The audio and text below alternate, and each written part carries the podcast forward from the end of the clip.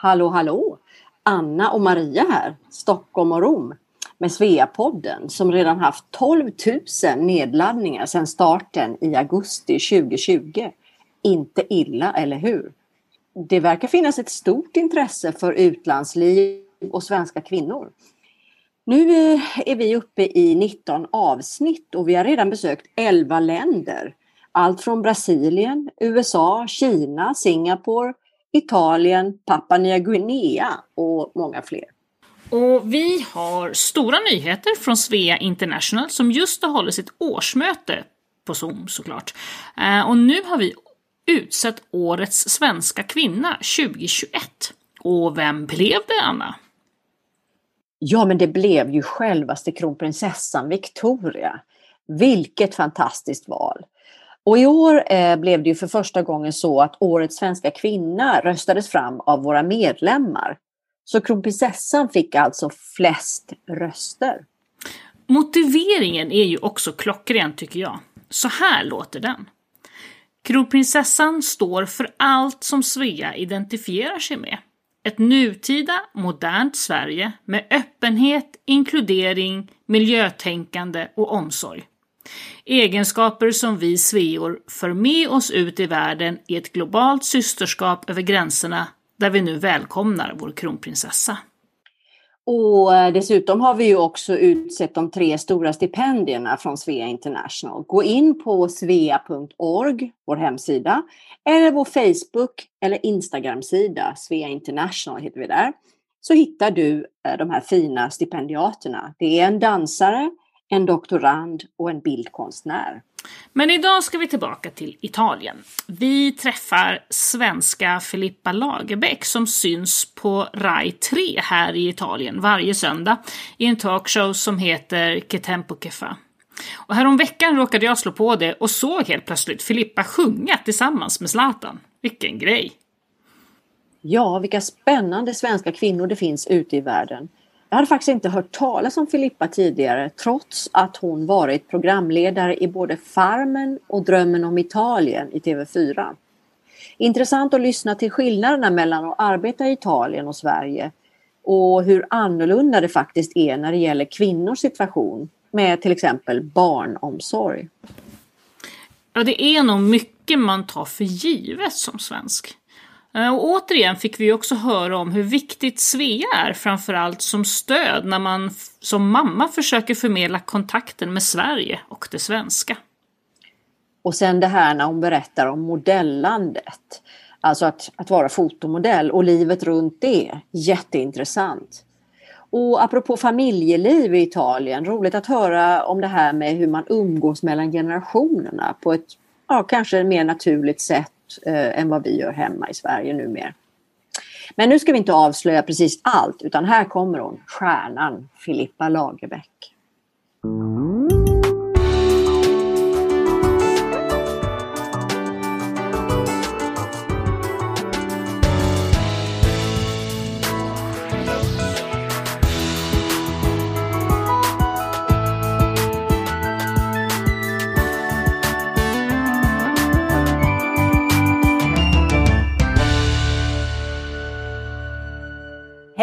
Jag heter Filippa Lagerbäck. Jag bor i Varese som ligger 50 km från Milano i Italien. Och här har jag bott i ungefär 20 år. Välkommen till Sveapodden Filippa. Tack! Jag såg någonting som svischade förbi i flödet om dig och Zlatan. Sjöng ni eller intervjuade vi? Såg jag rätt? Vad var det som hände? Alltså, ja, det glömde jag säga. Jag jobbar på tv, på italiensk tv, så jag hade äran att introducera Zlatan till hans intervju på tv. Och det gjorde jag på svenska som var lite roligt, så det var ingen som förstod mer än han och jag. Och sen så blev det ett eh, moment där han sjöng Broder Jakob och då sjöng vi tillsammans allsång Broder Jakob på italiensk tv.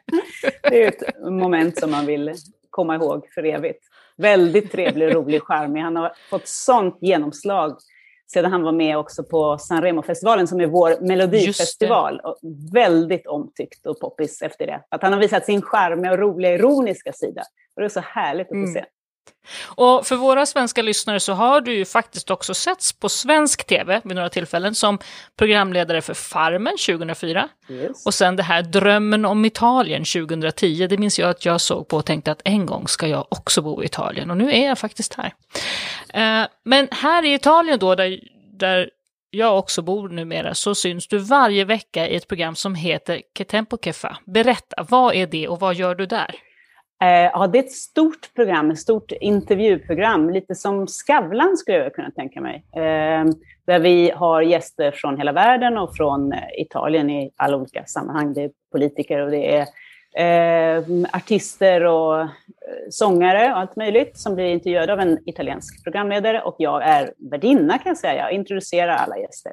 Så att det är en lite mindre roll, men ett väldigt stort och nischigt och bra program. Så att eh, det gör att jag får väldigt mycket eh, uppmärksamhet kan man säga, som gör att jag kan göra väldigt mycket andra saker också. Så det har jag gjort i jättelänge. I 15 år har jag faktiskt varit på det programmet.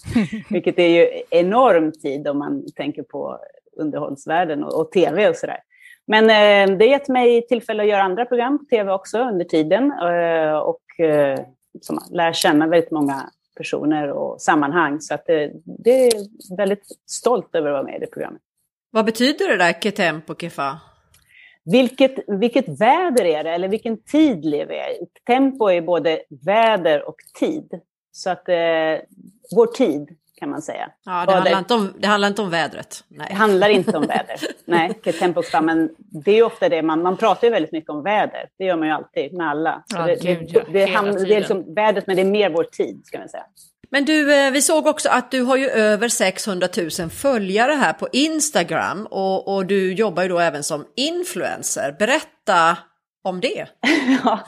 Eh, ja, det är ju väldigt många personer. Det är, jag är väldigt aktiv på Instagram, tycker att det är jätteroligt och, eh, att eh, berätta genom bild, bild och video då, på, på händelser. Så där. Att låta video berätta utan att man kanske pratar så mycket själv, tycker jag är väldigt roligt. Så det sysslar jag med varenda dag. Så att, ja, det har blivit uppmärksammat och, och, och många som följer mig och väldigt stor kontakt. Så det tar upp väldigt mycket tid Eh, men det är någonting som jag tycker är roligt. Det började faktiskt med en blogg som jag öppnade 2010, lite på, eh, alltså följde, följde de svenska bloggarna. Och det, de var som, de före tiden, för det kommer lite efter här, även med poddar. Nu börjar det liksom blåsa upp lite med poddar här, men bloggarna var före i Sverige, så jag tänkte att jag öppnar min egen, för det är så mycket jag vill berätta. Eh, så jag började att blogga varje dag, väldigt konsekvent med det. Och sen så tog det över då med Instagram, så att jag flyttade bloggen till Instagram. Kan jag säga. tycker det är kul att ha kontakt med väldigt många personer, prata lite om det jag tycker är roligt. Jag har till och med skapat ett litet program som heter Planet Phil Experience, som jag har börjat göra sedan i oktober, där jag vill ta mina följare till att göra eh, upplevelser, då, experiences, som kan vara passande för alla utan att kosta så väldigt mycket. Så det första programmet handlade om att krama träd i skogen till exempel. Eller att bara gå en mm. promenad längs vattnet eller göra en picknick på sjön. Eller i sista hoppade jag paragliding. Det kanske inte är för alla, men man kan göra det om man vill. Och lite modig. Så att det, det, finns väldigt många, många uh, opportunities kan man säga med, med social media. Så jag tycker det är kul att hoppa på den banan. Det är det jag känner att det är så jag vill uttrycka mig. Vad är det för speciella ämnen du brinner för? Är det typ miljö och hälsa eller vad, vad tänker du innehållsmässigt? Ja, jag, jag, har importerat väldigt mycket av min svenska mentalitet. Jag växte upp bland ja, 10 kilometer utanför Stockholm, men då vet vi ju alla att där hamnar man ju direkt i skog och natur. Eh, och jag vill ta med mig lite av den eh, respekten som vi har för det gröna och för naturen i Sverige och eh, importera det här och prata om kärleken till naturen och hur bra man mår när man är ute i naturen. Eh, som ett eh, initiativ för att få folk att ta hand om miljön bättre. Jag tror att man kan börja från kärlek och respekt och inte bara um, klanka ner på folk som gör fel. Jag tycker att det kan vara att man inte får så många att göra som, eh, som man vill genom att vara negativ. Jag vill hellre lyfta fram det positiva och liksom eh, förmedla kärleken till naturen genom sociala medier. Så ja, jag pratar väldigt mycket om natur. Jag eh, pratar väldigt mycket om blommor och i vårtiden nu så blir jag nästan... Ja, nu är det mycket. Ja, det är, det är mycket nu. Jag är väldigt busy. Men eh, jag säger till dem, ni får liksom blockera mig om ni har nog av mitt gröna flöde. Men eh, jag tycker det är ett fantastiskt sätt att nå ut till folk faktiskt. Och ha, jag sitter ju och svarar på alla som skriver till mig också, så det är ju väldigt, det är ett helt... Är, är, är, det en, är det en annan medvetenhet om de ämnena i Italien än i Sverige? Eh, ja, det är en mycket längre tid som vi har varit medvetna om naturen i Sverige och, och panta flaskor på 80-talet. Det har man kanske börjat tänka på att göra. Nej, det finns inte. Man pantar inte ens en flaska här eller burkar och så. Nej, det, det, har jag, det har jag nästan vant mig av med sen jag flyttade här. Man gör ju liksom inte det. nej, nej, det gör man inte. Nej. Man å, återvinner ju dem genom att man kastar dem i, i... Nu har de ju börjat ju separera sopor och så, ja. det gör man ju. Men man tar inte tillbaka dem till, till till affären som vi gjorde, så vi fick lite extra pengar när vi var tonåringar. Och så där. så att vi har ju ett miljötänk som går mycket längre bak, tillbaka i tiden, men nu har det ju börjat ändra sig i hela världen. Genom, också i lockdown förra året när vi satt instängda i våra hus, för så har det inte varit i Sverige. Eh, vi kunde ju verkligen inte, vi fick inte gå ut i mars, april. Eh, och då tror jag att det kändes att naturen började leva upp.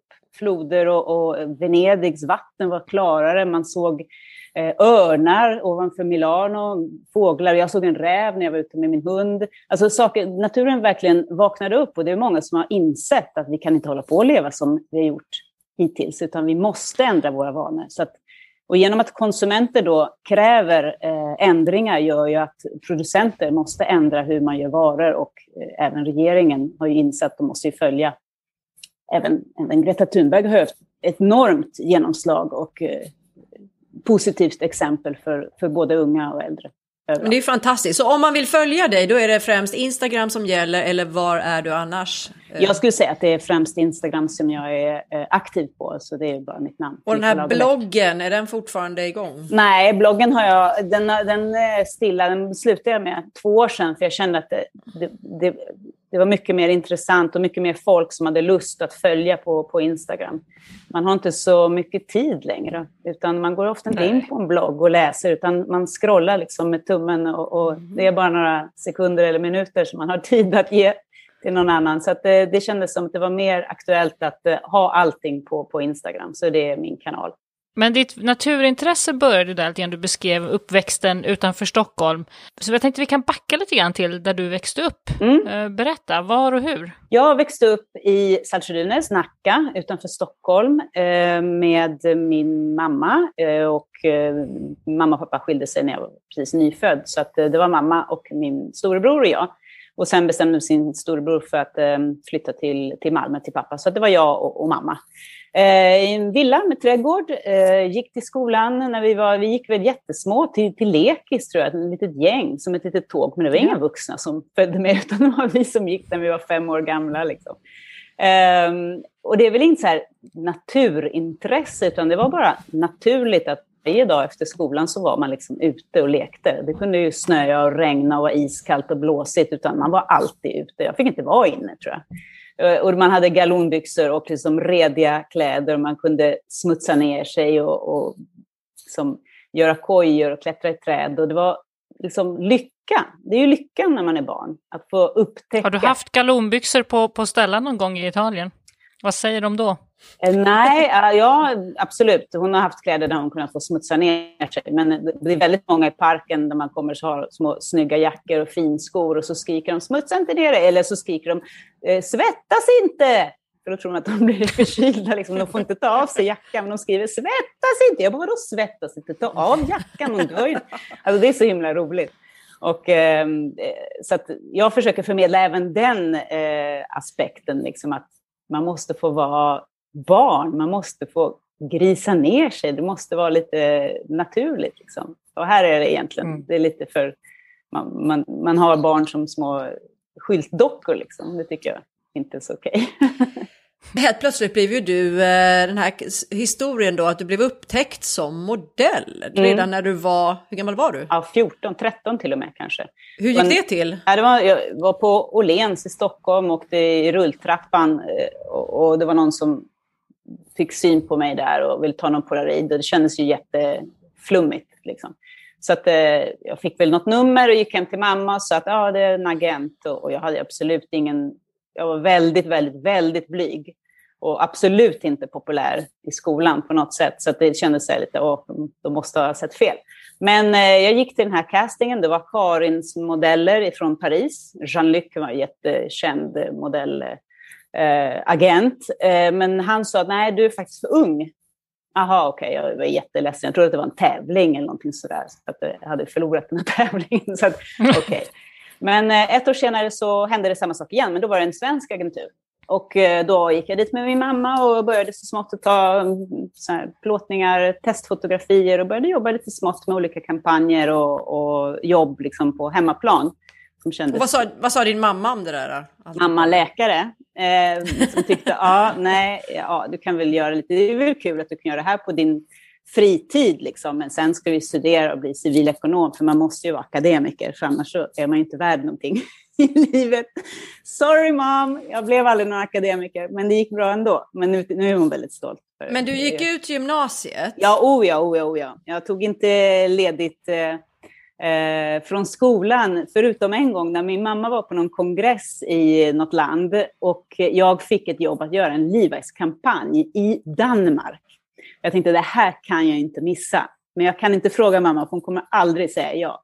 Så jag bodde hemma hos mormor. Så jag fixade att på morgonen skulle jag ha körträning, så till stackars mormor. Och sen efter skolan så skulle jag på någon sportträning. Någonting. Så jag skulle komma hem väldigt sent den dagen. Och tyckte mormor, ah, okej, okay, okej, okay, okej. Okay.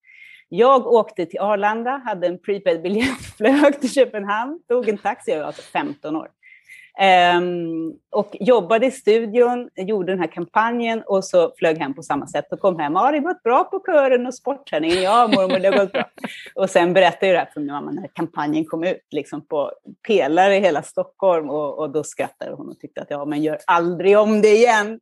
Alltså det här känns så här, tänk om min dotter skulle liksom 15 år gammal åka till Lenato och flyga iväg. Alltså det känns Precis. Så du, vad har du för råd till folk som kanske har den situationen att deras barn blir liksom eh, mötta av någon sån där agent? Vad, vad, ska man tänka på? Och tycker du att det är någonting du skulle vilja rekommendera till din dotter?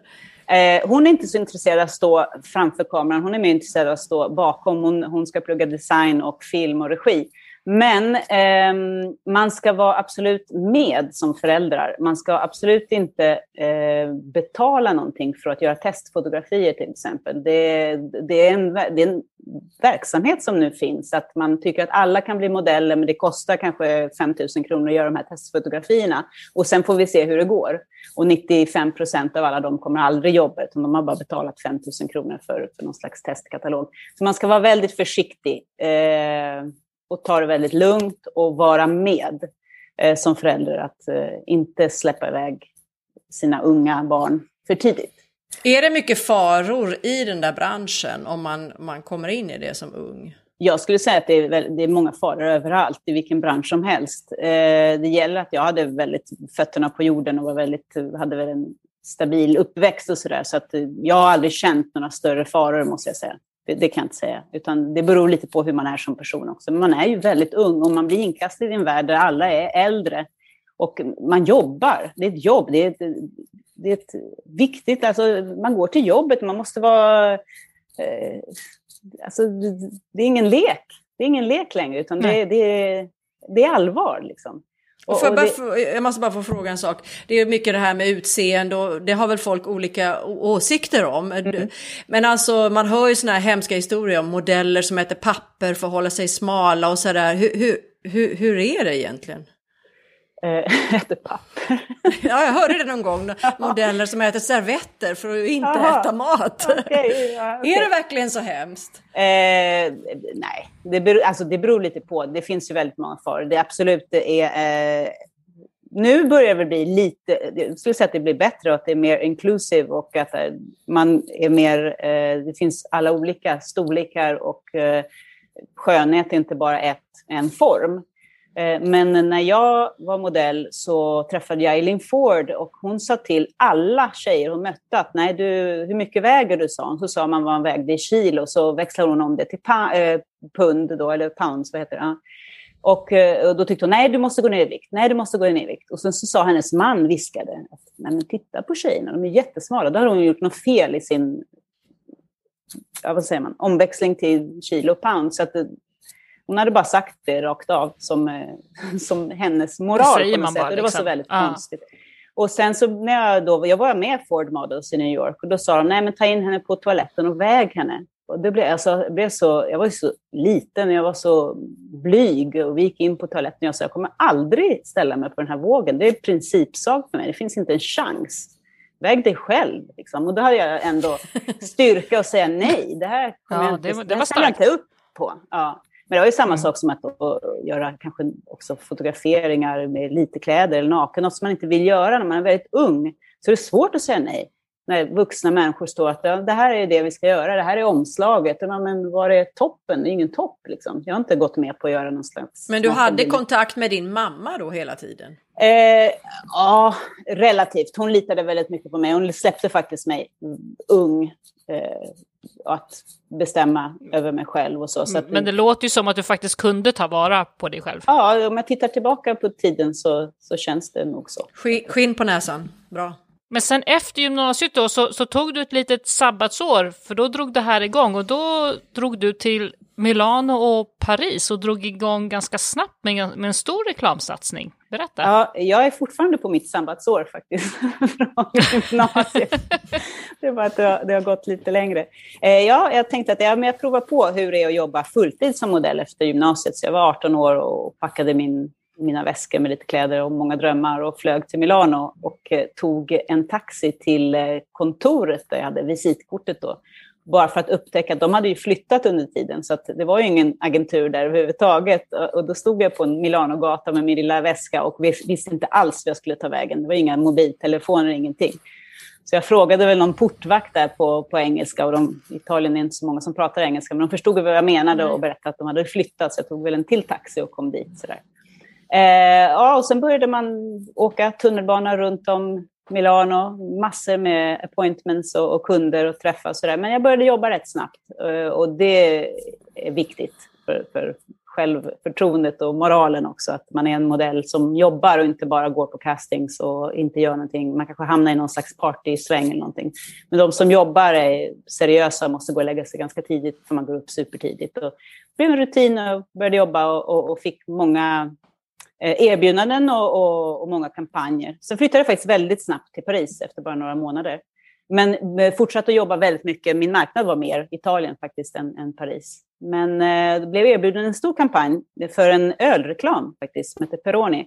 Och det låter ju lite speciellt, men det, den, de har en lång tradition av eh, eh stor och uppmärksammad kampanj var det på den tiden. Så jag blev lite igenkänd på gator och torg redan då, det var 94 genom den här reklamfilmen.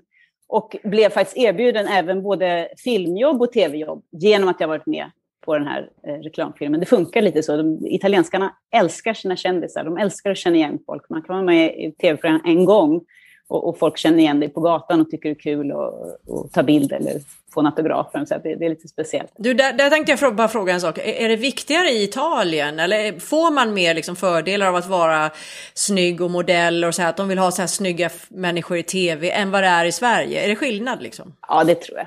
Det var så i alla fall. Det började väl ändras lite även här. Så att det, var, det var mycket, eh, vad säger man, kuttersmycken. Leveline. TV. Ja, Leveline och det, det är lite lättklädda tjejer som, som dansar på tv. Så där. Men eh, så att det, det var väl en tradition av det också. Och det har jag väl försökt undvika ändå. Även om jag har haft roller där man kanske inte pratar så mycket. Men jag har i alla fall fått bestämma vad jag ska på mig. Så där. Men jag kommer ihåg ett av de första programmen jag var med i så tog de alla mått, så här, sömmerskor, så tog de något mått från eh, vi, eh, midjan ner under rumpan och sa, vad är det här för mått? Ja, det är för dina kjolar. Så jag, menar, typ ett skärp, liksom. det här kommer jag aldrig ha på mig. Så jag var väl lite anti och hade på mig kläder som man aldrig hade sett på tv innan och såg lite hemvävd ut. Sådär. Men eh, jag vill absolut inte gå med på någon slags... Eh, ja. Det var också för att jag var svensk och inte van vid... Men du, jag måste ändå bara fråga då det här med kvinnor i Italien och kvinnor i Sverige och kvinnosyn och, och hur man, hur, hur är italienska kvinnor? Är de väldigt annorlunda i, i, i sina tankar runt utseende och kläder än vad svenskar, svenskor är? Ja, alltså italienska kvinnor är väldigt starka och vet vad de eh, vill och eh, ja, kanske lite mindre praktiskt klädda än vad man är i Sverige eftersom det är också ett annat väderlag och sådär. Så att man, man kan vara lite piffigare, lite mer elegans än en stil i Sverige där man kanske cyklar till jobbet och, och sen går ut i skogen efter jobbet så att man har en mer praktisk stil på något sätt. Eh, men eh, italienska kvinnor har tyvärr inte hjälp från stat eller familj kan man säga. Alltså, det är så svårt. Man har väldigt, hittills så har väldigt många italienska kvinnor fått välja mellan jobb och eh, familj. För att när man mm. väl får barn så är det väldigt svårt med barnomsorg.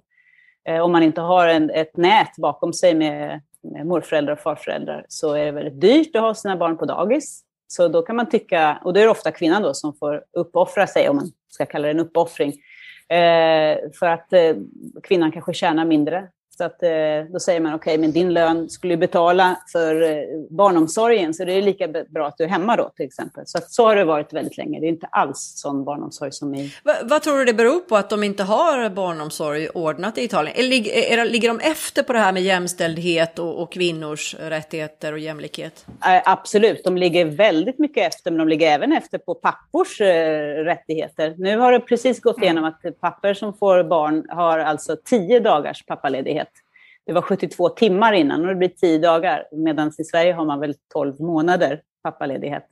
Eh, det, det är en stor skillnad, bara det. Och det, det, det går ju, alltså även för kvinnor är det absolut inte likadana rättigheter som, som i Sverige. Det ligger absolut efter. Efter det här Peroni-kampanjen och så, så var du ju med där lite grann. Du gjorde en film och var med lite i tv. Men sen valde du att gå tillbaka till modellandet en sväng i alla fall. Ja, jag, tyckte, jag tyckte inte det var så roligt faktiskt, för jag, jag, kunde inte italienska, jag förstod inte så mycket av kulturen. Jag träffade väldigt stora kändisar här, men jag tyckte att de var lite, lite smöriga och lite jobbiga. Så jag tyckte inte det var kul. Jag tyckte inte att det här känns inte som, som jag kan uttrycka mig på rätt sätt. Och, och jag tycker att det var bättre att vara modell och, och, göra mitt jobb som jag kan och resa runt i världen istället för att var, komma in i någon slags värld där jag inte alls kände mig hemma. Eh, och jag kände mm. att jag inte ja, det var inte min grej. Helt Men du pluggar italienska då under tiden? Under tiden så hade jag flyttat eh, till Lugano i eh, italienska delen av Schweiz. Så att där hade jag börjat plugga lite italienska, ja. Men jag, till långfilmen hade jag lärt mina repliker. Alltså, jag förstod knappt, visste knappt vad jag sa. Alltså, så jag hade lärt mig dem utan till. Och det var väl lite så också på, på tv. Och då tyckte det var ju så charmigt. Det, det tycker italienare är roligt när man, pra, när man börjar prata och man är man gör fel och sådär. Så de är ju trevliga på så sätt, men det blev ju liksom lite av en grej också att man blir lite så här, utfnissad för att man sa fel saker på tv. Det var bara charmigt och roligt, men jag känner att det var inte alls den personen jag är. Jag vill inte vara den, utan jag vill uttrycka mig. Om jag säger någonting så ska det vara rätt och det ska ha någon mening med. Så att, um, jag känner, nej, men jag går tillbaka. Och, och, Vad heter den där filmen? Den heter Silencio Sinasce. Kan man var, se den? Ja, den, ja den, jag tror jag sett den. jag såg den inte ens när den kom ut faktiskt. Men jättebra regissör och fantastiska skådespelare. Det var Sergio Castellito, kanske du vet. Eh, och Giovanni Veronesi som är en väldigt stor regissör i mm. Italien. Så det var absolut ingen dålig, eh, dålig film på så sätt. Men eh, det var inte min grej. Jag har provat på det. Många som tycker, men ska du inte bli skådis? Nej, jag har provat. Tåget har men, du, men du berättar lite om det här med att jobba med tv i Italien jämfört med att jobba i Sverige. Du har ju varit programled programledare i Farmen och Drömmen om Italien i TV4. Mm. Hur, hur skiljer sig åt mellan länderna? Ehm, egentligen skiljer, skiljer sig inte så mycket åt. Jag måste säga att de väldigt många stora programledare i Italien är kvinnor. Så att, eh, mm. det kan jag inte säga att det skiljer sig så jättemycket åt. Jag kan väl säga att eh, när jag gjorde Drömmen om Italien så hade alla väldigt många roller. Jag var programledare, men jag, jag som fixade mina kläder och, och, smink och jag körde min egen bil och sådär. Här blir man lite mer uppassad och det finns massor med olika Eh, mycket mer folk som jobbar runt om ett program än vad det kanske är i Sverige. Jag kommer ihåg när, jag, när det var presskonferens i, på TV4 så kom jag med min klänning och sa men eh, vem, eh, finns det någon eh, sömmerska här som, som kan stryka i ordning den? Och så, för så fungerar det i Italien. Och de bara tittade på mig, men vad har du vuxit upp? Här är strykjärnet. Så ja, ah, okej, okay. inga problem, absolut inte. Men Magnus Härenstam, står han och stryker sina skjortor in, innanför, liksom, inför Jeopardy? De bara, nej, han, han har någon, någon som hjälper honom. Sen så hade de bokat tid i Hår och Make och eh, de fixade i ordning mig. Sen har det gått en halvtimme och så sa de, nej men nu är tiden slut, nu kommer någon annan. Så jag, nej men jag har ju typ halva huvudet bara som lockat. Vad ska jag göra med resten? Så då gjorde jag det eh, själv då, då. Så att det var kanske är det, är det där en skillnad i kultur eller handlar det om pengar tror du? Nej, kanske lite om båda. Har du vuxit upp, vuxit upp kan du inte stryka själv. Jo, det är klart jag kan stryka själv, men här skulle jag inte få stryka min skjorta själv, utan det är någon som har den rollen. Och, eh, alltså man har, det är både kulturell och pengafråga skulle jag vilja säga. Mm. Men det är lite kul att mm. göra allting tillsammans också, när man är i en produktion. Så att man känner sig att man är med i alla passager, så att säga. Men, eh, men ja, det är väl lite det stora hela.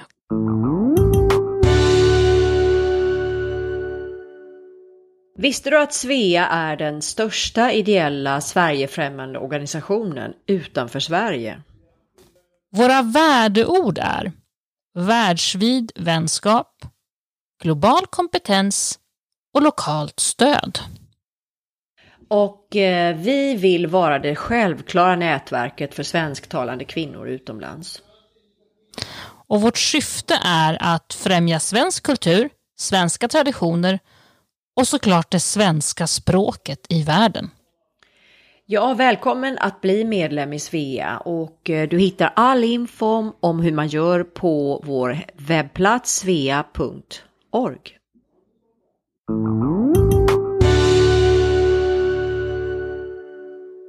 Sen träffade du din man Daniel. Hur träffades ni? Han var programledare för ett, eh, ett dagligt program och hade gäster i sin show, så han var med och intervjuade mig när jag gjorde ett nytt program då. Efter att jag, efter jag hade tackat nej och sen gått tillbaka till modellandet och så fick jag några erbjudanden igen som verkade lite mer intressanta för det var ett program där vi var tre tjejer som var programledare och gjorde lite candid cameras. Och då tog jag, äh, jag kör, jag provar en gång till. Och då träffade jag honom som var programledare och intervjuade mig. Han intervjuade kanske mig tio gånger innan han frågade efter mitt telefonnummer. Och då blev vi lite kompisar. Eh, och sen tog det väl kanske några månader innan vi började, att innan jag började inse att den här är en trevlig kille. För att jag, var, eh, jag bodde faktiskt i Schweiz med någon annan, så att det eh, gjorde slut på den relationen och flyttade till Milano. Och det var 2001. Mm. Och sen eh, träffades ni, skaffade barn och ja, ja. och har varit på den. Ja. ja. 2003, eh, två, två år efter då, fick vi vår dotter. Stella, eh, som föddes under det varmaste året i ever. Liksom. 2003 var ju glödande hett år. Så att jag kände med min stora mage att jag vill inte vara kvar i Milano utan jag vill åka på semester innan jag skulle födas. Så vi åkte ner till Umbrien där vi hade några kompisar som tog oss upp till en kulle där vi hyrde ett hus. Och så tänkte jag, men jag vill inte åka tillbaka till Milano och föda, det känns ju helt oaktuellt. Jag har ju ingenting, ingen familj, ingenting där, vad ska jag åka hem för? Så att jag födde faktiskt på, eh, på sjukhuset där i Umbrien, så att hon är född i Umbrien. Och, där och hur, väl, var, hur, var, hur var det? Det var fantastiskt, det var ett litet sjukhus men modernt. Eh, och det var verkligen underbar personal. Jag kommer ihåg att efter födseln så mm, satte vi, sköt vi ihop sängarna som var på, på rummet till en dubbelsäng. Så de kom in, läkarna och sa, jaha, det är första gången vi ser en dubbelsäng inne liksom, på sjukhuset. Eh, det var helt fantastiskt. Sen så bodde vi i det här huset en månad efter att Stella var född eh, och, och satt ute på nätterna under stjärnhimlen. Och, och ja, det var en magisk, magisk tid. Du, jag läste i en artikel om dig där att du, du, du sa någonting om att det inte är nödvändigtvis så att man får bedövning när man föder barn i Italien. Är det så? Nej, alltså det får du ju välja själv. Eh, så, att jag, eh, så att jag hade ju valt att få epiduralbedövning, men alla sjuksystrarna tyckte att jag inte skulle ha det. Utan jag har fött 19 barn, jag har fött fyra barn, jag har fått allt det är bara sjö. Så sa jag, nej, nej, nej kom här, ta allt, allt jag kan få vill jag ha. så att, eh, nej, jag fick eh, epiduralbedövning och det gick jättebra. Mm. Din dotter är ju idag, är hon 17 år? Ja, hon fyller 18 i eh, juli. Hur, hur har du gjort med, med henne då och det svenska språket och kulturen? Hur, hur har du lagt upp den biten?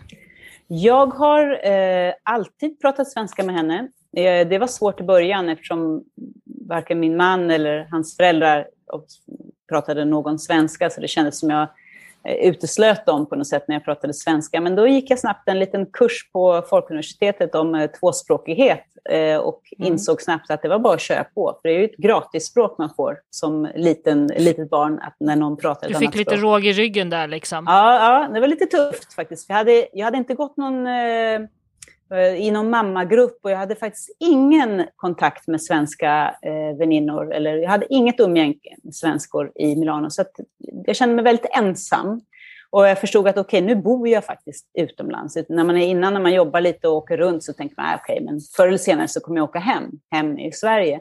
Men när man föder barn då så tänker man jösses, för det första så är min dotter nu italienska. Och för andra bor jag i Milano och här ska hon växa upp. Så då kände jag lite dåligt samvete för det faktiskt. Men eh, försökte kanske eh, få lite eh, kompensera då med eh, att få henne känna sig svensk. Att eh, eh, verkligen ta i med de svenska traditionerna och Lucia-tåg och prata svenska och midsommar. Och faktiskt just på en liten vad heter det, loppmarknad som Svea ordnar. Var jag. jag hade blivit inbjuden, mm. jag hade sett någon liten ja, annons någonstans. Jag hade tagit med henne dit som skulle få välja någon liten docka eller någonting på den här loppmarknaden. Och då blev jag faktiskt kontaktad av svenska damerna från Svea och då gick jag med i Svea. Och det var första gången jag hade eh, någon kontakt med svenska tjejer och damer och, och gick på deras bokklubbar och sådär. Det var väldigt, väldigt trevligt få känna. Det var kanske ett stöd för dig då när du försökte också eh, hjälpa Stella med den svenska delen, att då Absolut. kunna få den inputen ja, från Svea? För, för då blev jag med i någon svensk skola som hon senare gick i för att lära sig svenska. Eh, efter hennes vanliga skola då gick hon och, och, lärde sig lite svenska. Jag träffade en av mina allra bästa kompisar genom Svea och hennes dotter då som fortfarande är kompis med Stella. Så det har verkligen varit eh, viktigt för mig, den här kontakten med Svea i Milano. Och mm. träffa damer som hade bott väldigt många år i Sverige och lite yngre tjejer som hade ungefär samma eh, bakgrund som jag. Då. Att känna att, jag kände att det var viktigt att ha eh, någon slags anknytning till någon som vet precis hur du har vuxit upp. Någon som har samma mm. känsla, någon som vet utan att man behöver förklara hur det är. Det var viktigt för mig. Hur tänker Stella idag, tror du? Är hon italiensk och lite svensk, eller hur uppfattar hon sig när man frågar henne? Jag tror att hon känner sig italiensk, men hon tycker att det, hon är stolt över att ha svenska eh, anknytningar och känna sig svensk och eh, pratar ofta svenska med mig när hon inte vill att någon annan ska förstå. Så hon har förstått mm. att det, det, är fantastiskt att ha ett litet hemligt språk, så att säga, eh, som bara vi eh, pratar här då. Eh, och att eh, kunna åka till Sverige. Hon tycker att det är jättekul och uppskattar traditioner och maträtter och mormors matlagning och kanelbullar och godis och sådär. Så att, eh, nej, hon känner sig lite både, både och. Sen har hon gått i, i, i engelsk skola och pratar då både engelska och, och spanska också. Så att, ja, hon känner sig lite... Mitt, mitt, mål var att hon skulle känna sig som en internationell medborgare. Behövde inte känna sig italiensk mm. eller svensk, men en, en medborgare av, av världen, så man kan öppna sina ögon och hjärta för att förstå hur andra människor har det och inte bara vara inkörd på, på sin egna bakgård. Liksom, utan att... Var tror du att hon kommer att utbilda sig någonstans? Blir det i Italien eller testar hon någonting annat tror du? Uh, hon skulle egentligen uh, gå en skola antingen i Tyskland eller Frankrike. Hon har gått på Europeiska skolan här i Varese. Det var därför vi flyttade hit från Milano sju år sedan. Uh, men just nu med pandemin och allting så är det väldigt svårt att även kunna bara åka och titta på de här skolorna och, och få någon slags man kan inte bara boka in sig på någonting som man absolut inte vet vad det är. Så känner jag. Och det, det känner hon lite grann också. Så att hon har kommit in på ett universitet, eh, universitet här i Milano som börjar ett år här nu på ett media och eh, filmuniversitet i Milano. Så sen får vi se. Men jag tror att hon vill göra erfarenheter utomlands, absolut. Jag försökte pusha lite på universitet i, i Sverige, men eh, nej, mm. hon var mer intresserad av kanske Tyskland eller Holland eller någonting sånt det har väl Men hon, lite hon, bra, hon pratar helt okej okay svenska? Absolut. Hon kanske inte kan skriva så väldigt bra, men absolut. Och det hade bara tagit några månader tror jag i Sverige, sen hade hon blivit perfekt. Mm. Det är ju så. Och om man har grunden så är det bara att ta upp den sen. Och det känns fantastiskt att hon har fått det. Men hur ofta är ni hemma i Sverige? Eh, vi åker alltid till Sverige på, på sommaren och påsk ofta. Och så kanske någon liten tripp däremellan. Nu tyvärr är det sen i januari 2020 som jag inte träffar min mamma och sen i maj 2019 som jag inte träffar min pappa. Det känns väldigt, väldigt sorgligt och trist. Det var lite att jag respekterar verkligen reglerna och känner att det, även i somras då, där det var lite, kändes bättre. Jag ville ändå inte riskera att ta hem någonting till mamma och pappa. Så att vi har verkligen väntat och hoppas nu att det kommer lossna. För att det, nu, ja. känner, det börjar, alltså, nu börjar verkligen tålamodet och, och styrkan lite svikta. Alltså väldigt stor lust att komma hem till Sverige. Vi, vi är alla jättetrötta på det här. Men du, eh, vi tänkte så här, hur har din syn på Sverige förändrats under alla de här åren utomlands? Och du var ju nästan inte vuxen när du stack från Sverige. Mm. Tycker du att när du kommer hem nu, liksom, är det ett annat Sverige nu än, än när du lämnade? Eller hur känner du för Sverige? Det, det, är ofta så här att när jag kommer, jag säger alltid att jag ska åka hem, sen säger jag att jag ska åka hem när jag ska åka hem från Sverige också, så det är väl två hem. Så där. Eh, väldigt stolt att vara svensk, alltid, när folk frågar var jag kommer ifrån. Känns jättehärligt att få säga att man är svensk. Eh, stolt hur jag har vuxit upp och hur, hur det fungerar i Sverige. Sen när jag kommer hem så kanske det tar några dagar eh, innan jag kommer in i som rytmen. Så där. För då kan jag irritera mig på att det är lite stelt och lite så här, allting är så ordnat och allting är så eh, veckor. Så, ja, vecka 43, vad gör du då? Vadå vecka 43? Jag har ingen aning om vad det är. Liksom. Att, ja, ska vi ha en middag? Ja, här är det liksom så här, ja, men ska vi käka middag imorgon? Och här är det så här, nej, vecka 33, då ska jag åka. Du vet. Så här, man ordnar allting, man styr upp sitt liv med så stort, um, med, vad säger man, för, ja, i förtid. Så där. Och det kan jag känna, det kan jag liksom reta upp mig lite på att allting är så stelt. Men sen så kommer jag in i det och älskar liksom Sverige och allting fungerar och stor respekt. Och... Är det lite mer sådär spontant i Italien? Jo, men sen när jag kommer hem, då irriterar jag mig på allting här också. Att det inte är ordnat på samma sätt och att det inte fungerar, att allting är krångligt och allting liksom...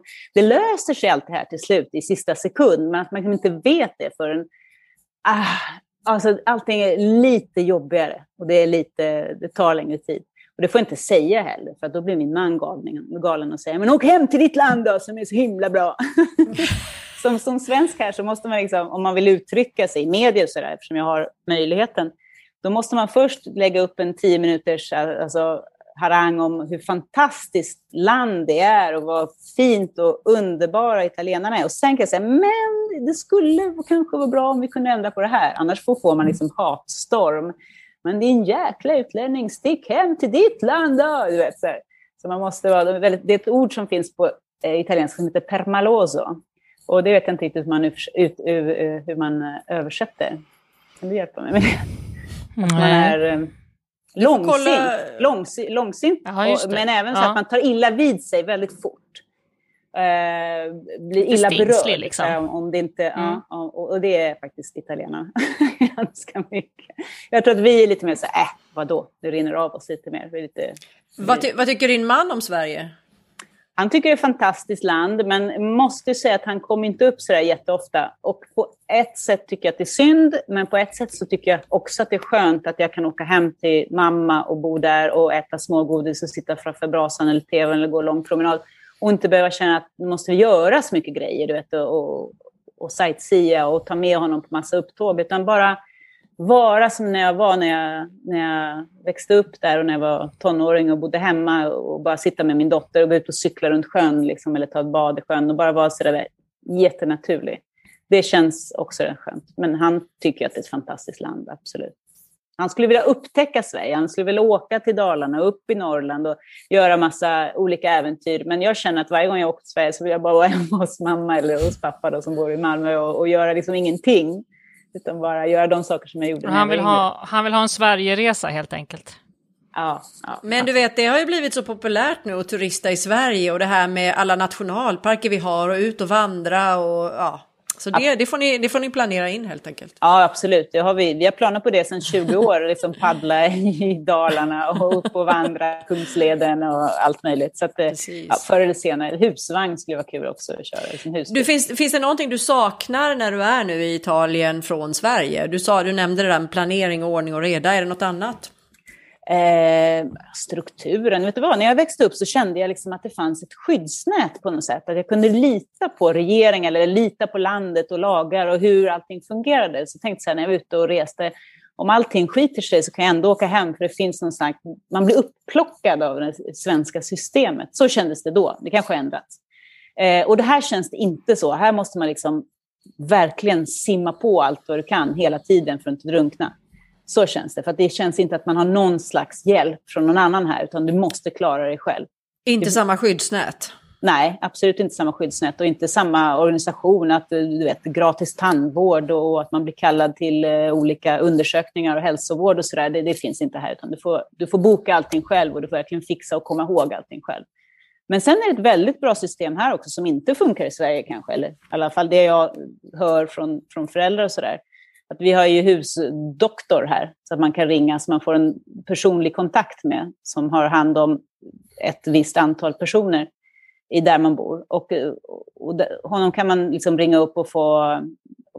Liksom, han har kommit hem också till en, om det skulle vara så, när man är sjuk och undersöker den hemma. Och jag tror inte att det, det systemet finns inte riktigt i Sverige. Så det är en fördel här. Det är väldigt bra sjukvård i norra Italien i alla fall, skulle jag säga. Ja, jag tänkte precis det. Du bor ju i norra Italien eh, och det är ju jättestora skillnader mellan södra och, och söderut där jag bor i Italien och, och norrut. Men hur är det att bo och arbeta i Italien? Vi brukar prata lite grann om det. Du bor ju i Varese, norr om Milano, mm. ganska mm. nära Schweiz. Hur, hur, ja. hur, om man tänker beskriva för en svensk, hur ser det ut kring, kring boende och standard och vardagsliv i din del av Italien? Um, alltså det är en stor skillnad från att bo i Milano och bo i Varese som är en mycket, mycket mindre stad. Här fungerar ju allting, det är mycket lättare än en mindre stad när man behöver skaffa nytt ID-kort eller papper på kommunen så, så går det ganska mycket snabbare än vad det gör i en storstad som Milano. Uh, bostäder är ju mycket lättare att få tag på i Italien än vad det är i Sverige och Stockholm i alla fall. Det är ju helt omöjligt. Det är också ett helt sjukt system uh, i Sverige som det har varit i alla fall hittills med någon slags svartmarknad där man betalar pengar för att, för att få ett hyreskontrakt. Det, det tycker folk är helt absurt här, att det skulle funka på ett sådant sätt. Och alla vet ju om det, men ingen, ingen i alla fall vad jag vet, politiker och så går in på, på, den, på den frågan. Eh, här är det mycket lättare att hyra en bostad till exempel. Men det finns ju inga, på samma sätt, studiebidrag, så att folk bor ju hemma mycket längre, väldigt säm mycket sämre löner, ska jag säga.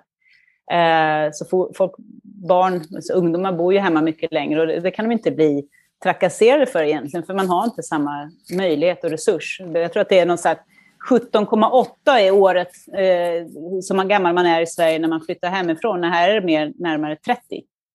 Och, och det, mm. det, kan man ju skratta åt sådär, men det finns ju orsaker till det också. Vi har inte samma möjligheter här att släppa iväg våra uh, ungdomar, för de har inget stöd. Det finns inget stöd från staten.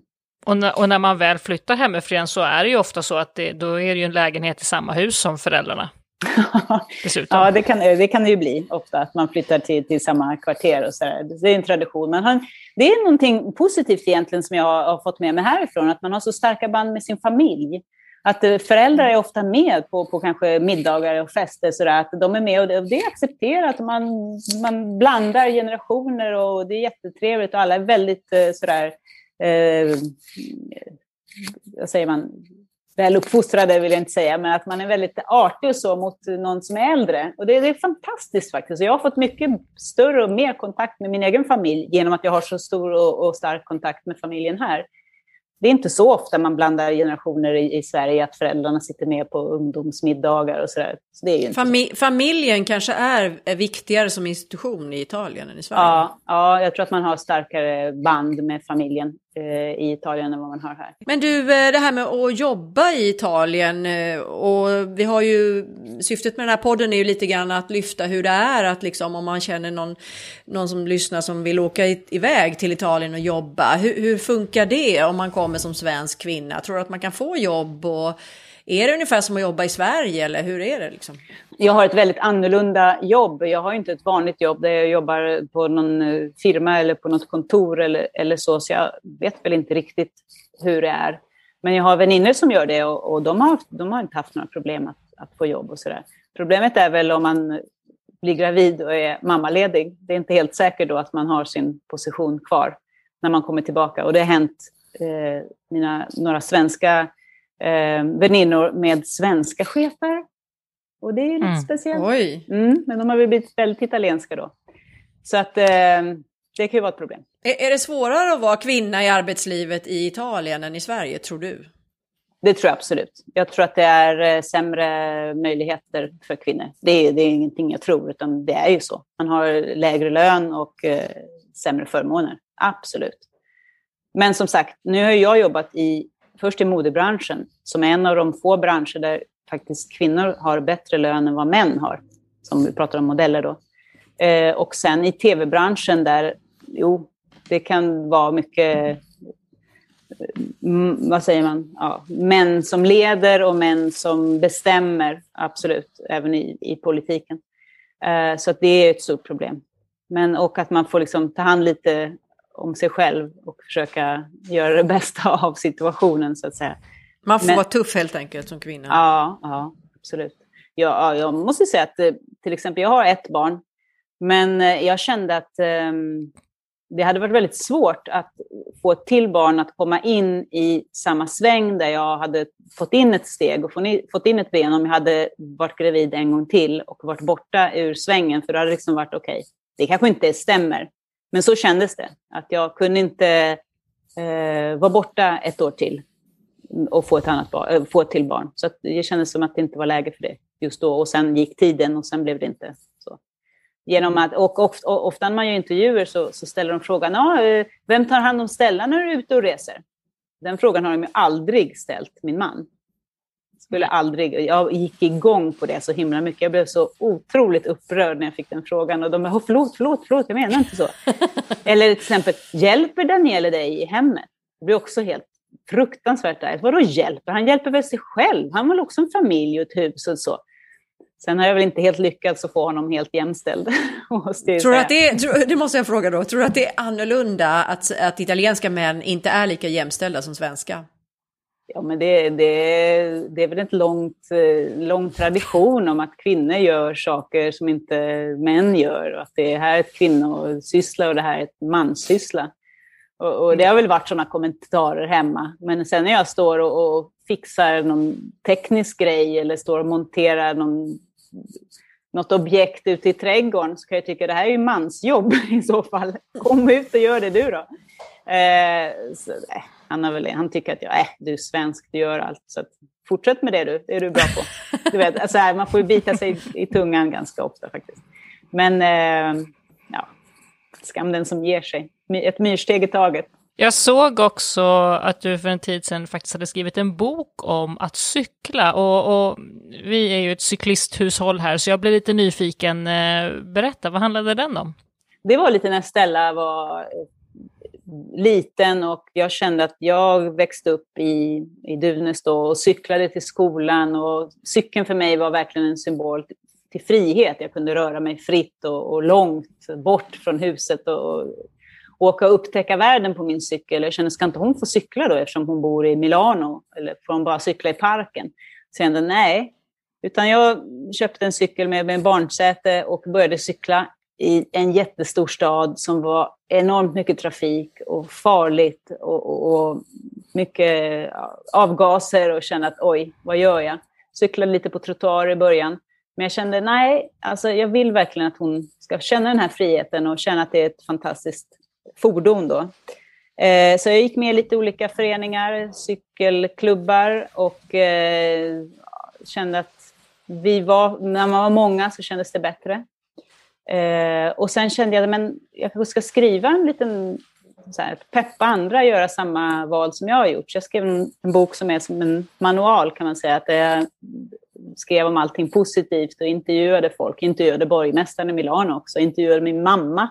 Intervjuade lite kändisar och sådär. En svensk eh, kompis som var gravid som fortsatte att cykla i Milano. Hur, hur de kände sig när de cyklade och vad cykeln innebar för dem. Eh, och sen tips om att, hur man väljer en cykel och, och lite olika historier om min barndom och sådär. Så att, eh, och, och sen har ju faktiskt växt enormt mycket cykelintresse i Italien och i de stora städerna. Milano är helt förvandlad. Det har blivit det är cyklar och cyklister överallt och folk har verkligen upptäckt cykeln som ett fantastiskt mm. alternativ. Jag känner att jag är lite, en droppe i den förändringen har varit min också. Det känns, det känns bra. Och det fortsätter jag göra. Har de hjälm på sig? Nej, alltså ja, min mamma säger du måste säga till dem, jag får, ja, en sak i taget. För de, nej, hjälm, hjälm är svårt. Jag vet inte om ni vet när de införde ja, man skulle ha bilbälte för många år sedan. Så i Napoli så hade de ju t-shirtar med ett bälte målat på t-shirten som såg ut som ett bälte så att folk vet. de försöker, ja, men då försöker jag införa det här med hövdinghjälmen då som är som en airbag som man har som en ja, sjal. Det, det kan ju vara ett bra alternativ. Men eh, ja, vissa har väl men inte, inte så många. Men den här boken finns inte på svenska, nej? Nej, det kändes som inte, det behövs inte i Sverige. Här cyklar alla ändå. i alla fall. Och vi hade ju cykelbanor när jag gick i skolan, så det var ju, allting var ju före. Där föds eh, cykelbanor och, och, möjligheter till att använda cykeln på ett säkert sätt. Det kommer först, sen kommer cyklisterna. Här måste liksom cyklisterna komma först ut i jättefarliga trafiken och sen kanske kommunen kommer på, att vi kanske ska göra det till cykelbanor. Det är ju många som cyklar nu för tiden. Det, det är lite mm. omvänd eh, strategi här. Men du, det är härligt att höra. Du är sån pionjär för så många svenska saker där nere i Italien. Det är ja, bra. Kör, kör, på med det.